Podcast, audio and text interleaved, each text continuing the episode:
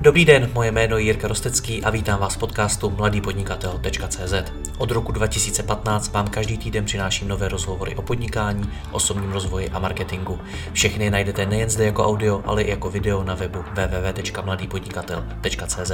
Pokračovat v mé tvorbě mohu i díky partnerům. Jedním z partnerů je i Inicio Akademie, online kurz, který vám pomůže získat více zákazníků skrze internetový marketing, sociální sítě a PPC reklamu. Vyzkoušela ji již více než tisícovka českých a slovenských podnikatelů. Přidejte se mezi ně a vstupte do Inicio Akademie. Děkuji vám za váš čas a neváhejte mi napsat na jiry.rostecky.cz případně na Facebooku. Užijte si poslech.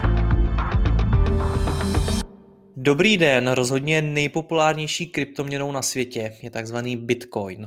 V tomto rozhovoru si povíme, co to Bitcoin vůbec je, kde se vzal a jak nad ním můžeme přemýšlet. Mým hostem je expert na kryptoměny Adam Neuberger. Adame, dobrý den.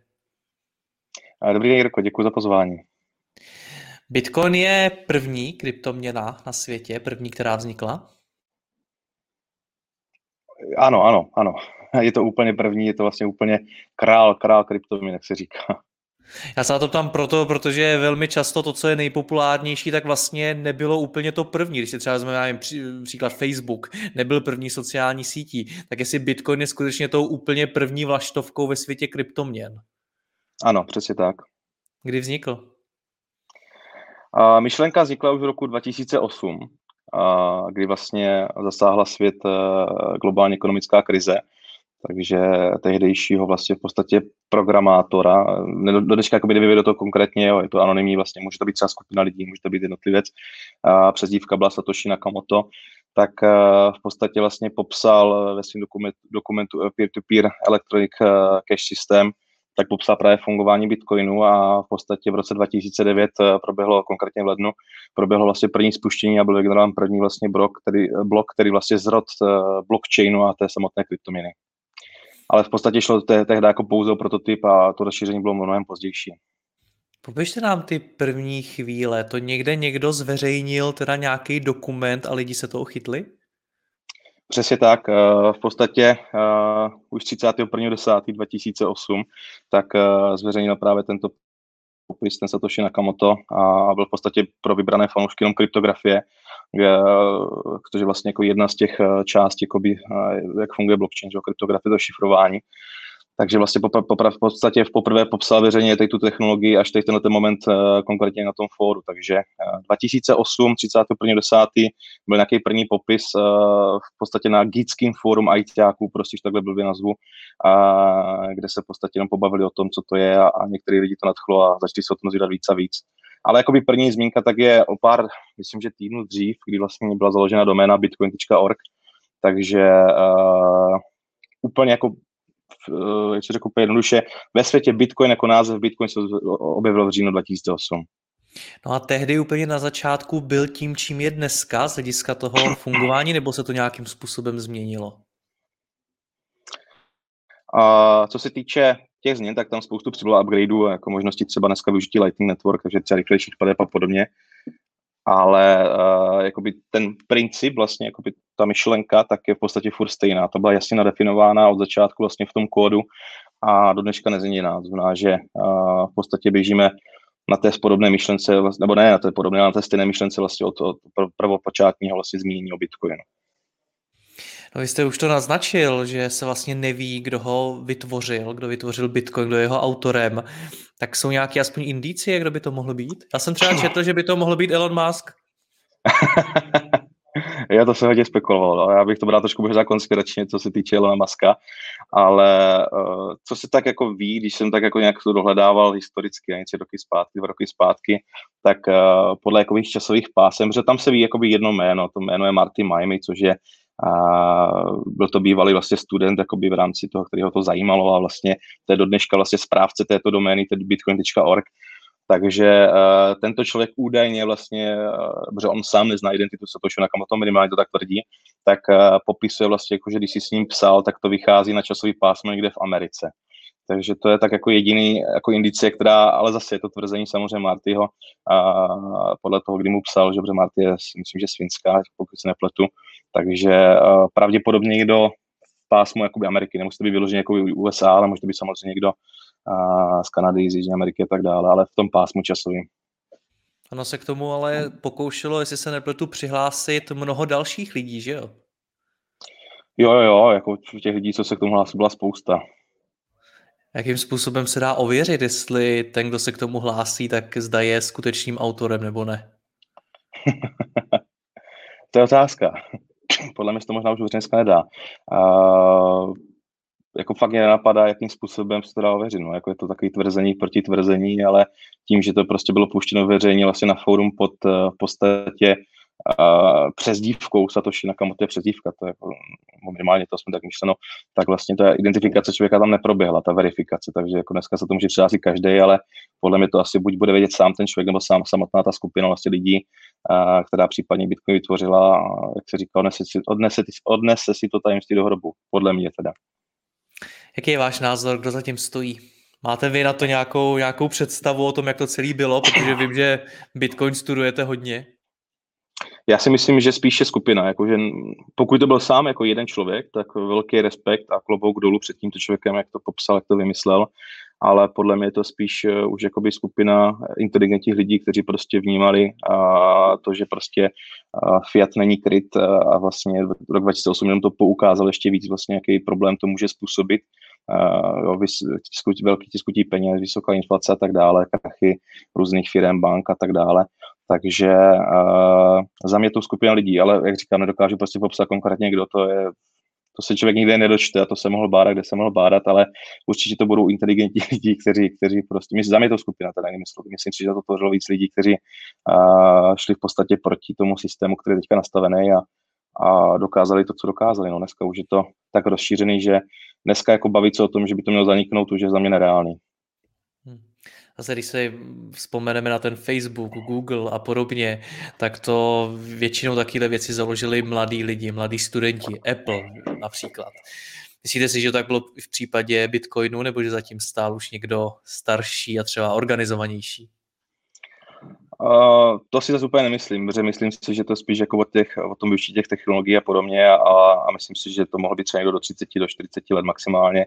Nebyla to asi úplně starší generace, která a, přece jenom se hůře adaptuje na ty novější technologie, čímž nechci jako nikoho urazit, ale a, i třeba pro mě dneska už mým věku je kolikrát nepochopitelné některé věci, které se dějí ve světě a, a věřím, že to bude horší a horší. Takže si myslím, že spíš jako někdo mladší, ale zase je to pouze moje spekulace.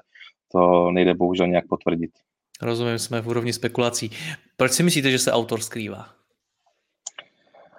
Uh, no, to je dobrá otázka. Uh, buď, buď je fakt jako introvertní člověk, který je skromný a nechce za to nést, uh, nechce za to nést odpovědnost ve smyslu toho, že a možná to fakt třeba jenom byl jako z, z počátku, jakože já si myslím, že ani ten sám člověk nebo ta skupina lidí, co to vlastně vydala, tak si myslím, že ani jako nepoti, ne, nepočítal s takým potenciálem vlastně, respektive s tím, jakoby, co to způsobilo. Myslím si, že to bylo spíš jako formou, hele, něco tady vytvořil, prostě je to úplně něco jiného, vlastně je to decentralizovaný systém, který jde úplně proti běžným systému, na který jsme zvyklí. Přijde mi to hrozně cool, prostě pojďme si na tom hrát, jako my, ať asi na tom fóru, jo. Jako, vemte si, že vlastně tam není zatím žádný marketing, není tam vlastně zatím nikdo jako se zvučným jménem, který by to prostě od začátku propagoval opravdu jako tichou šeptandou takzvaně. Se to prostě dostalo mezi spoustu dalších lidí a lidí a v podstatě je to jenom genialita jakoby toho, toho, té matematiky zatím a toho vlastně popsání, jak to vlastně lze fungovat bez toho, jako využití vlastně staré technologie kryptografie, protože kryptografie už je s námi mnohem jako díl, že jo, jako o to je odvozený název ta kryptomina, to už jsem se myslím zmiňoval i v minulém podcastu, takže uh, kryptografie, decentralizace a v podstatě trendy a to je vlastně, že dneska fungujeme všichni na internetu, máme tu výhodu toho, že vlastně se dokážeme spojit po celém světě a, a prostě v ten moment uh, plně jako chápu tu myšlenku toho vlastně, proč by nedokázal být digitální, uh, digitální měna. Už není to mimochodem první digitální měna, která se snažila jakoby projít, uh, respektive jít proti vlastně běžnému Fiatu, běžným vlastně měnám, ale tehdy se to prostě pokoušet další různé pokusy a, a problém akorát byl ten, že vždycky tam byla nějaká ta centrální moc, najednou prostě někdo nabídl lidem, hele, tohle vlastně vaše banka v podstatě, vy sami si ověřujete vaše transakce, vy sami jste prostě uh, ti, co budou určovat tu hodnotu v úzovkách ve smyslu, čím více to budete používat, tím více prostě bude rost logicky cena, protože nabídka je omezená, a takže si myslím, že uh, takže tak. Teď možná pojďme vysvětlit jednu věc, protože já jsem se vlastně rovnou v úvodu ptal na to, jestli Bitcoin je první kryptoměnou. Vy jste mi řekl, mm-hmm. že mhm. ano, a teď říkáte, že není první digitální měnou. Tak jaký je teda rozdíl mezi digitální měnou a kryptoměnou? Uh, tak digitální měna, je různá měna, která prostě může fungovat na internetu, znamená, že třeba nevím, dejme tomu, že dneska existují různý prostě portály, které třeba využívají svoji prostě elektronickou měnu. Uh, na své třeba placení v e-shopech a tak dále, kde to třeba dáme jídlo, že má svoje body a tak dále, že má jakoby v úzovkách svoji měnu, uh, potažmo jakákoliv jiná firma. Ale kryptoměna vlastně tak tím, že využívá uh, systém jakoby té kryptografie uh, a vlastně ty prezentace tak tím je unikátní. V podstatě je to vlastně první digitální, možná to je digitální měna, jako řadí se jakoby do digitální měny, ale je to v podstatě první digitální měna, která funguje vlastně decentralizovaně a transparentně plně jako na tom blockchainu, což je vlastně ta technologie, která je v tomhle unikátní. Kdybyste by měl jako naprostýmu lajkovi, který tomu vůbec nerozumí, vysvětlit, jak Bitcoin funguje, tak co byste mi řekl? uh, Bitcoin v podstatě funguje jako platební síť, kdy uh, spojuje vlastně uživatele, kteří se do této platební sítě zapojí s možností vlastně uh, se mezi sebou právě jakoby platit za tu službu danou. Takže například já budu mít kavárnu, budu, budu prostě prodávat kávu a budu přijímat ten Bitcoin, jakoby tu platební uh, měnu vlastně té platební sítě a vy znovu přijdete s tím, že prostě vy jste se účastnil této platební sítě taky, dokonce jste si třeba něco i sám natěžil, nebo jste si někde koupil ten Bitcoin, to je úplně jedno a vlastně uh, mezi sebou můžeme provést tu směnu. Ta směna vlastně probíhá pouze mezi námi, není tam žádný prostě uh, validátor typu třeba, nevím, banka, která prostě musí potvrdit, že ta transakce proběhla, ale my sami si v podstatě tu transakci potvrzujeme a všichni vlastně, kdo jsou v té síti, tak můžou ověřit, že ta, ta, transakce vlastně proběhla uh, pomocí vlastně té těžby a vlastně evidování do těch bloků, které se vlastně potom uzavírají. Takže v podstatě to funguje jako platební síť, takhle bych to zjednodušil úplně. On je i omezený počet bitcoinů, že ano? Přesně tak, ten omezený počet je tam asi možná v to, jako to nejklíčovější vlastně v tom a bavíme se, že celkový počet bitcoinů, který vlastně bude jednou v oběhu vlastně, tak je 21 milionů kusů mincí, což když se vezmeme jakoby kolik je prostě třeba dolarů a podobně, tak je to úplně zanedbatelné číslo, ale to je právě ta myšlenka toho, když se to vlastně postupně uvolňuje, a je tam vlastně matematika taková, že vlastně každý čtyři roky se vlastně půlí odměna vlastně pro ty lidi, kteří vlastně jsou v té síti a těží to takzvaně. A, a čímž vlastně způsobuje to, že je to zásnější, protože najednou pokud v roce 2010 jsem vytěžil několik stovek prostě bitcoinu, tak dneska prostě řádově jako jednotky a třeba za 20 let, za 30 let to budou vlastně desetiny místa, ne desetiny místa a podobně. Jo. Takže v podstatě poslední Bitcoin má být vytěžený v roce 2140, takže já bohužel, já doufám, možná se třeba to dožiju. se toho asi nedožiju. A, a myslím si, že z tohohle vlastně důvodu je toto klíčový, protože to vlastně díky tomu působí jako deflační charakter, protože pokud máte něco jasně omezený, nadefinovaný a nejde to změnit, dejme tomu, že já to rád vždycky přikládám třeba k zlatu, jakože vlastně zlato je taky prostě nerost vlastně, který je tady určitým způsobem omezený vlastně počtem, nebude tady do nekonečna, a, a jakmile se prostě vytěží, tak je prostě nějaký určitý počet a víc prostě nikdy nebude. A to je vlastně i Bitcoin. Takže z dlouhodobého hlediska vlastně má deflační charakter a ta cena roste. Že jo? Tenkrát, když to vezmu ve středověku, se zlatem plítvalo, v vozovkách plítvalo, tenkrát to bylo jako běžný, že vlastně všechno bylo ze zlata, sochy a, a zbraně a nevím co všechno, zbroje a tak dále koruny, že jo, a, a dneska vlastně ze zlata, jako si teď děláme jaký pár, pár šperků, prstýnků prostě, ale vlastně už se nevyužívá třeba na to, že bych to zakomponoval prostě nějak mohutně prostě do budov, protože je to hrozně drahý, respektive ne každý si to může dovolit. Jak se ten Bitcoin těží? Uh, v podstatě, tak jak jsem říkal už v minulém podcastu, je tam ta blockchainová technologie, kdy vlastně uh, ti uživatelé, co se zapojí do té sítě, tak uh, zapojí vlastně za pomocí svého hardwareu, Tenkrát to třeba byl, býval obyčejný notebook, dneska už jako na to jsou speciální stroje, a jako s notebookem to moc nevytěžíte, kdy vlastně výpočetní výkon toho vašeho přístroje vlastně vy použijete do té sítě na to vyřování těch transakcí. Takže vlastně, jak jsem popisoval, ten blockchain funguje tak, že a každá ta transakce je takým, nějakým způsobem zahešovaná, nebo ne nějakým, ale zahešovaná, což je vlastně matematický úkon a, a vlastně ten váš výpočetní výkon řeší tady tu matematickou rovníci vlastně v momentě, že jde ke správnému výsledku, tak eh, ověří vlastně potvrdí, rozešle vlastně mezi další uživatele, kteří vlastně ověří tu eh, matematickou rovnici, že opravdu sedí a následně vlastně zapisuje do bloku a za uzavření toho bloku tak vlastně potom vzniká, vznikají vlastně nový mince, nová kryptona, nový bitcoin. My odkazy na ty naše společné rozhovory dáme pod eh, tento rozhovor, pod to, tohleto video. Najdete, posluchači podcastu je najdou na webu Mladého podnikatele. Adame, uh, jak je možný, že se podařilo takhle vyrůst zrovna Bitcoinu? Proč ne nějaký jiný měně? Uh, ono to ještě není u konce, že jo? to neznamená, že Bitcoin bude vládnout na pořád. Eh, I přesto, no a má nějakého to... silného vyzývatele, který by ho mohl překonat? Uh, dneska se to blbě tvrdí, jako dneska, dneska ne, neřeknu vám, stop, dneska bych vám neřekl stoprocentně, že prostě tam někdo do toho, do ten Bitcoin překoná, už jenom z toho důvodu, že prostě Bitcoin je fakt jako pojem, jako pro mě to je něco, jak když někdo řekne uh, Ježíšek prostě, nebo Ježíš Kristus, je to jako fakt uh, už určitým způsobem jako víra ve smyslu toho, že spousta lidí v to věří, spousta lidí vlastně se setkává jako na první vlastně dobrou s Bitcoinem a je to pro ně první zkušenost a v ten daný moment, pokud máte nějakou první zkušenost, která je většinou jako třeba úspěšná nebo prostě je dobrý, tak pochopíte, že funguje Bitcoin takhle. A pak až teprve zjišťujete vlastně, že tam jsou nějaké altcoiny, tak uh, pro vás ten Bitcoin určitě jako modlou. A, a takže... co, co to zkušenost vytváří? Co, co toho člověka při té první zkušenosti takhle natchne? Jako upřímně za mě přečtení třeba white paperu jako dokumentu vlastně, jak funguje vůbec Bitcoin. No. Ono to teda v angličtině, dneska už teda věřím, že to je v češtině, nehledal jsem to upřímně, anglicky hovořím, takže jsem se to četl v angličtině a, a pamatě vlastně, když pochopíte tu myšlenku, jak funguje Bitcoin a hlavně tím, že kompletně uh, Možná i právě to, že ten Satoshi Nakamoto zůstal anonymní, jako je to takový něco ve stylu, že vlastně vy ani nevíte, kdo to vytvořil, ale víte, že to funguje a funguje to brilantně ve smyslu jakoby té technologie samotné což neznamená, že prostě ty ostatní projekty, já třeba nejsem bitcoinový maximalista, který by prostě tvrdil, že no, jenom bitcoin a nic dalšího, i přesto, že spoustu lidí takový znám. A, a je to možná spíš jako o zkušenostech s tím, uh, s tou danou kryptoměnou, jsou tady dneska kryptoměny jako třeba Ethereum, uh, dneska nově vznikající, no, nově už to není nově, ale třeba Polkadot, která jako našlápla a další prostě kryptoměny, které který prostě vnímám jako, že mají obrovskou budoucnost. To neznamená, že musí překonat Bitcoin.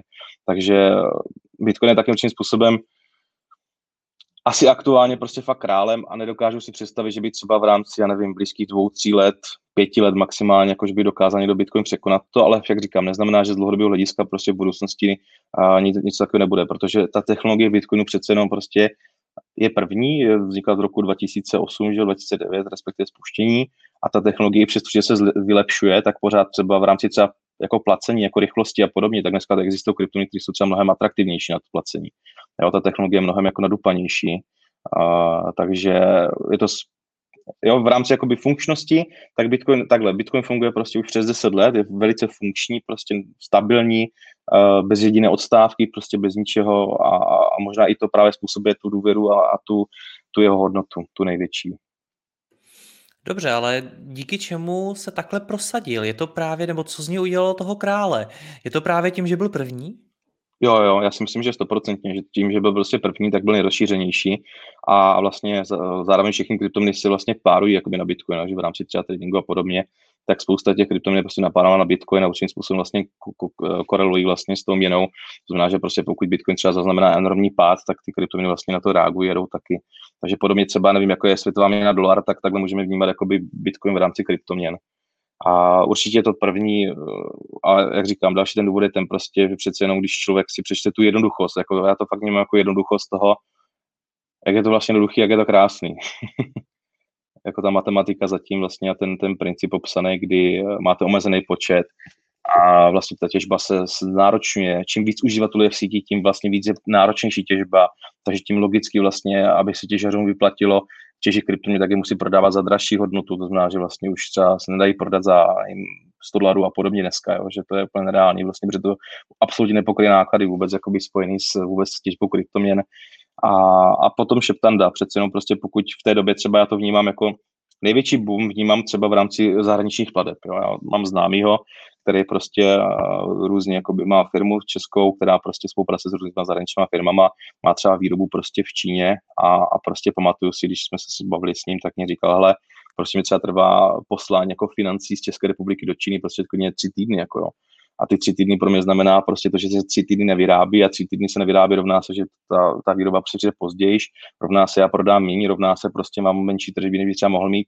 A když třeba začal využívat kryptoměny, konkrétně právě Bitcoin na placení, zakázky, tak nedlouho si zjistil, že do pár hodin vlastně připsáno a Číňané vlastně mohli začít zprocesovat výrobu a, a vlastně začali fungovat, takže tohle asi jako v té době prostě byla ta enormní výhoda toho, protože v té době prostě nebyla další jiná kryptoměna.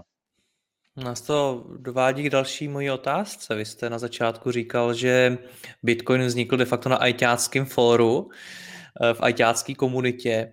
Tak mm-hmm. kde je dneska? Je to stále záležitost ajťáků, nebo už se k tomu dostane běžný člověk? Eh, naopak, myslím, že dneska spíš jako více běžných lidí se k tomu dostává, že spíš ajťáci se právě teďka zajímají o ty altcoiny ve smyslu jakoby těch technologií a, a sami přece jenom tvoří že další a zajímavější kryptoměny třeba jako tou, a, tou funkčností a tou, tou využitelností respektive oproti třeba Bitcoinu. Takže dneska je to spíš o tom, že a, lidi spíš tomu věří jako, ne ajťáci, ale spíš dneska už jako běžní lidé vlastně se dostávají do kontaktu s, s Bitcoinem konkrétně a, a vlastně uh, seznamují, seznamují se s ním a většinou, ať už to třeba berou jako investici, či jako třeba udržitel hodnoty a podobně, protože dneska existuje vlastně určitá skupina lidí, která prostě věří v to, že uh, je lepší, i třeba různé instituce a firmy, kteří právě drží peníze spíše v Bitcoinu už jenom z toho principu, že ta uh, z toho vlastně deflačního charakteru, který tam je. Takže za mě je spíš ta druhá, Jirko, jak jste říkala, takže spíš jako běžní lidi se k tomu dneska dostávají a je to víc fancy, bych to možná jako řekl, no, anglický slovo, prostě to víc takový oblíbený. Jak se to dá v praxi použít dneska? Co si za to můžu koupit? spoustu věcí, dokonce i studium jsem četl, někde se to někdo zaplatil a, a růz, jako běžný potřeby dneska, jako vím, že se to dá klidně ostříhat prostě u kadeřníka, zaplatíte si kafe prostě, zaplatíte si Čekajte, jídlo. pardon, Adame, ale pokud zajdu do kadeřnictví, když teda bude otevřený, natáčíme to v době lockdownu, tak a řeknu jim tam, jestli to můžu zaplatit bitcoinama, nevím, jak se na mě budou dívat. Uh, záleží, jaké máte kadeřníka. ne, Dobře, opravdu tak... jsou, jsou, eh, dneska, jsou dneska kadeřnictví, kteří opravdu už jako Bitcoin přijímají a, a e-shopy jsou, že jo, ale za třeba jako český nejznámější e-shop, tak ten frčí, že jo, před Bitcoin už takovou dobu a dokonce pomáhá začátečníkům a podobně, takže já si myslím, že jako dneska běžné věci člověk na to úplně standardně nakoupí, jo, a co se týče třeba teďka hodně spoustu lidí si mi třeba ptá na realitky, vlastně, protože mám kolem sebe spoustu jako přátel, kteří třeba dělají v realitních nemovitostech vlastně a zvýšuje se jim poptávka, že přijdou prostě klienti, že mohou Bitcoin, chcou za to koupit nemovitost a oni nevidí vlastně, jak ji přijmout. A, a že pořád je to pro ně prostě biznis, potřebuji prostě prodat tu nemovitost, takže beru jakoukoliv prostě variantu. A pokud přijde někdo s Bitcoinem a řekne, hele, já vám dám tady prostě třeba 10% ceny navíc, tak je to pro ně atraktivní a, a jdou do toho.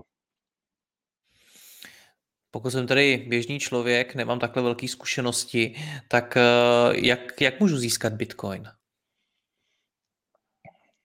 Hmm. Uh, já se chtěl říct, že těžbou a jako jedna z možností, na druhou stranu si nedokážu dneska představit, že by fakt jako by se teďka Vírko přišel, začal jste těžit kryptoměnu, respektive Bitcoin, ve smyslu toho, že abyste vlastně vůbec vytěžil, tak potřebujete fakt obrovský výkon a ty podmínky a to všechno, to je hrozně komplikovaný, eh, respektive náročný, jakoby, eh, jinak na studium, to je v pohodě, to se člověk jako naučí, ale spíše potom ve smyslu jako ty okolnosti okolo toho, lekcí na nákladovost, a, já nevím, vůbec se na ty stroje dneska, jo, taky, taky celkem unikát a, a mít třeba to místo, aby se to vyplatilo a tak dále, a tak dále. Ale každopádně dneska asi jako nejsnažší způsob je si ho v podstatě koupit.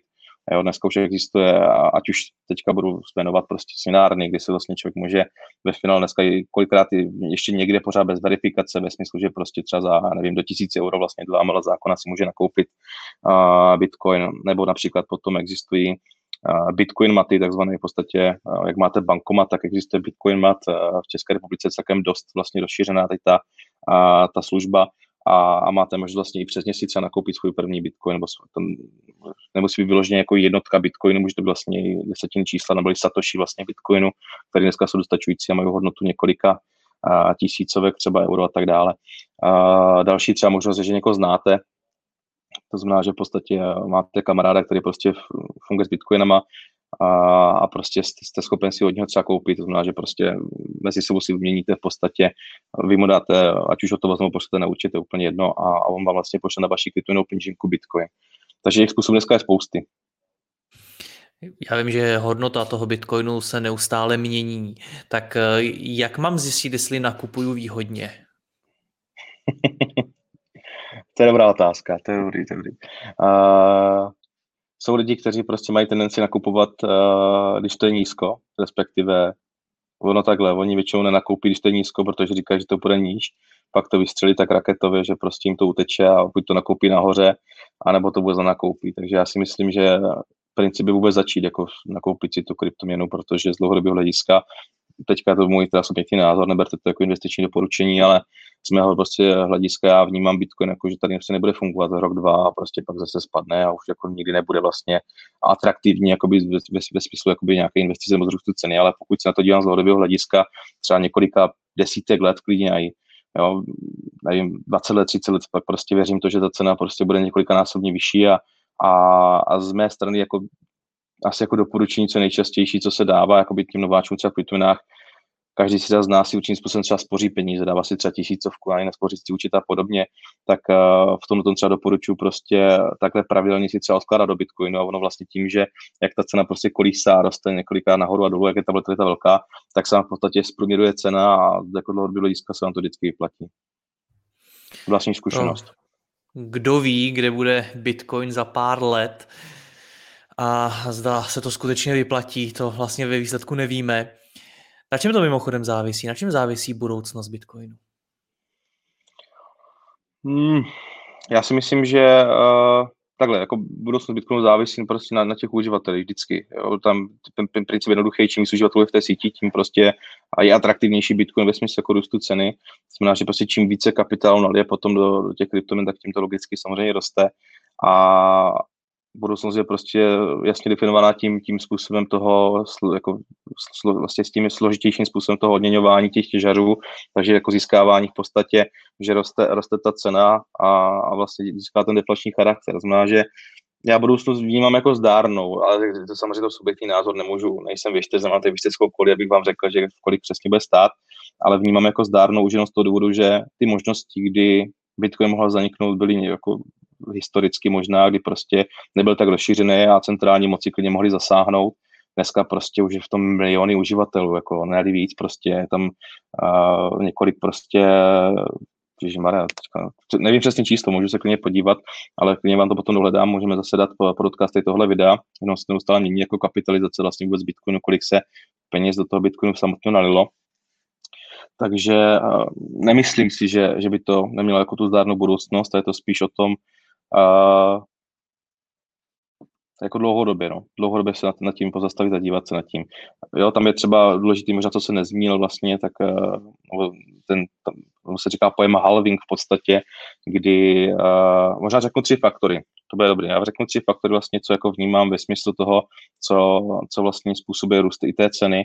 Jednak je to za mě ta funkce halvingu, vlastně, kdy, jak jsem říkal, tak se půlí odměny, vlastně snižují se ty odměny vlastně pro ty těžaře a mimochodem se to stává náročnější to vůbec vytěžit každé čtyři roky zhruba, takže už jenom z matematického hlediska vlastně znamená, že uh, já vykonám větší výkon a dostanu za to vlastně menší obnost těch mincí, takže logicky pokud prostě, abych si to vyplatil, tak musím prodat za větší cenu, tak tohle vlastně způsob, způsobuje jako jeden z potenciálních růstů ceny. Už proběhlo třikrát a třikrát vždycky ta cena se prostě během toho následujícího roka zvýšila. Teďka vlastně aktuálně proběhl 2020 uh, začátkem května, 11. 12. května proběhl vlastně halving poslední a můžeme vidět vlastně, že od května prostě Bitcoin roste a roste a už, už skoro rok, že jo. A zároveň vlastně tak je tam faktor to, že čím více to reguluje, tak tím více to vstupují instituce, velcí hráči, prostě větší kapitály. Už to není, jenom retail. Vlastně v roce 2017 to byl v podstatě vyhypovaný ten trh eh, primárně retailem. Jo. Dneska už tam jsou, už eh, znovu budu opakovat eh, oblíbenou Teslu a případně uh, MicroStrategy firma, která vlastně a dokonce dělá semináře vlastně, nebo webináře, teďka aktuálně v době lockdownu, jak vlastně vstoupit vůbec do Bitcoinu samotného nebo do ostatních kryptoměn. Vlastně jako, že pomáhá institucím, jak Bitcoin nakoupit dneska. Že uh, ty instituce zase vidíme jako udržitel hodnoty z důvodu vlastně té inflace, která se konkrétně v Americe v rámci jakoby, růstu dolaru třeba může nastat, tak uh, respektive tisku dolarů může nastat, tak uh, z toho důvodu třeba se k tomu uchylují. A No a třetí věc, tak uh, je samozřejmě ta popularita samotná, kdy prostě dneska už o tom neví tady stovky lidí, ale prostě několik milionů lidí a troufám si říct, že možná už, už i miliardy, jako ve smyslu, že už je to fakt tak rozšířený, že dneska po celém světě neznám nikoho, dneska už neznám nikoho, třeba i v Česku, když třeba řeknu Bitcoin, že by vyloženě nevěděl, co to je. Jako většinou to řekne krkolomně, třeba Bitcoin nebo nebo nevím, kryptonity občas slyším u, mě, u mě v rodině, ale, ale už dneska lidi ví prostě, co to už, už to postřehli, už to jako už, už tím způsobem trendy. Stejně ale spousta lidí tomu Bitcoinu nevěří a nevěří v jeho budoucnost. Proč ne? Co jsou nejčastější důvody? Negativní zkušenost a možná i právě ta neskušenost ve smyslu toho, že negativní zkušenost myslím tím, že prostě člověk třeba historicky nakoupil jako paradoxně nejčastěji prostě se potkám se scénářem v roku 2017, Bitcoin 19 000, 20 000 prostě dolarů a, a spoustu mých lidí, nebo jako kolem mě těch lidí, tak prostě třeba nakoupilo a samozřejmě potom prostě přišel ten pád, lidi prodali prostě v emocích, protože si nenastudovali vlastně tu samotnou kryptominu, co to vlastně znamená, co to může způsobit a, a měli to jako rychlý zbohatnutí, nechtěli, nechtěli si nechat ujet vlak a takže negativní zkušenost, kdy prostě tomu opravdu jako nevěřili, protože něco zažili v tom, ale přitom si to nenastudovali a to je právě potom ta druhá odpověď a to je neskušenost vůbec jako se samotnou uh, tou kryptominou ve smyslu spoustu lidí dneska nakoupí Bitcoin vlastně neví, co to je. Jo, jakože nepřečístí vlastně ani, ani, ani kousek, ani zrnko prostě o tom, tak mně přijde hrozná škoda, protože se právě ochuzí o ten potenciál toho, jak je to vymyšlený a ono potom, když uh, si to člověk přečte a dá si prostě jedna plus jedna dohromady, jak se řekne, že to je fakt jako dobrý, že to je vlastně jako fakt vymyšlený dost chytře a, a že to je vlastně potřeba v podstatě o tom jako z dlouhodobého hlediska prostě v tom, v tom mít případně nějakou část financí a, a jak vždycky říkám, prostě investovat to, co můžete přijít, jako v rámci krypto je to taková běžná formulace, už jenom z toho důvodu, že prostě ten trh může být volatilní, může se stát, že vás třeba, nevím, přece ty prostředky potřeba bezpečně ukládat a tak dále, tak dále. Takže uh, za mě tyhle dva důvody, proč tomu lidi nevěří. A potom samozřejmě zarputilo, dneska jsou prostě Češi, že a Slováci, máme krásnou vlast, vlastnost prostě být většiní skeptici a, a na všechno plivat, než bychom si to vyzkoušeli, takže... To věřím, že samo... bude všude ve světě tohle. Já upřímně se, se moc s tím nesetkal, jako v jiných zemích, ale jako souhlasím, jako vždycky jsou, všude jsou stejní lidi samozřejmě, ale jak se říká ze strandy, tak to vnímám, že a spoustu lidí, jako jsem jinými slovy potkal, kteří prostě vyloženě skeptici, už jenom z principu prostě, jako, že třeba, nevím, pro ně jako hotovost, vlastně jako něco jako modla, prostě, jako mám cash v ruce, ani třeba neuznávají vlastně platební karty dneska, jako, takže takže tak. Rozumím. Tyhle tři lidi. Já, já bych chtěla, aby si naši posluchači vytvořili vztah k Bitcoinu co nejlepší a co nejzdravější a hlavně co nejracionálnější. Určitě. Tak eh, jak to udělat? Jak, eh, jak se navzdělat, co se týče Bitcoinu, tak abych ho skutečně pochopil a abych mohl udělat co nejlepší, nejkvalifikovanější rozhodnutí, jestli se mu věnovat nebo jestli na něj úplně zapomenout? OK. Uh, v rámci tohle určitě doporučuji nějaký základní, úplně ekonomický, no prostě fakt si přečíst, co je to prostě trh, nabídka, poptávka, přečíst si, co je to inflace, deflace, prostě fakt takový ty úplně basic ekonomické věci, které se dneska dají běžně dohledat na internetu, případně v mnoho jakoby literaturách a následně vlastně se podívat na ten Bitcoin ve smyslu právě toho white paperu, tedy vlastně přečíst si, proč vůbec vzniknul. Já, jak říkám, já jsem četl anglicky, ale jako 100% věřím, že dneska už to bude plně někde česky dohledatelný, uh, jako plný překlad vlastně toho, není potřeba číst kompletně všechno, respektive pochopit všechno, ale jakoby tu myšlenku toho samotného, že v pozadí je samozřejmě ta IT technologie, které třeba ne každý rozumí. A, a v momentě, pokud si prostě tyhle ty dvě věci dám dohromady, podívám se třeba na historii, prostě jak to bylo, jo, že, že tenkrát byl dolar krytý zlatem, prostě, takže byla tam v tom nějaká důvěra, prostě bylo to opravdu něčím krytý, dneska třeba jako tam měna vůbec není ničím krytá.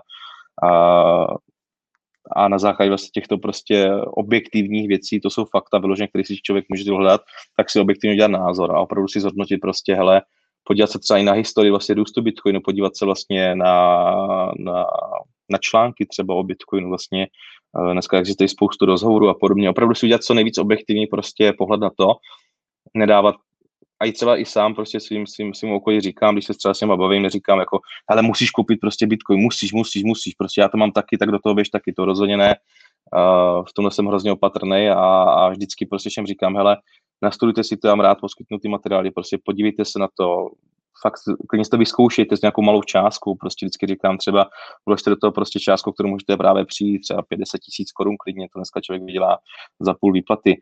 A no, při nějaké brigádě, když, tak, když, když se nevyvede, tak ho si někde zamaká ještě navíc nějakých pár hodin, ale ať si to opravdu vyzkoušet, má tu zkušenost, protože vlastní zkušenost je ta nejcennější a, a v momentě, pokud si objektivně všechno zhodnotím, aspoň nějakou malou část, to třeba zainvestuji, nebo si hodím nějakou malou část na, na třeba dlouhodobý, dlouhodobý uh, odklad, jako vydržitele třeba hodnoty, jako cokoliv, tak si vlastně vyzkouším, získám tu vlastní zkušenost a, a pochopím potom, jestli jo nebo ne.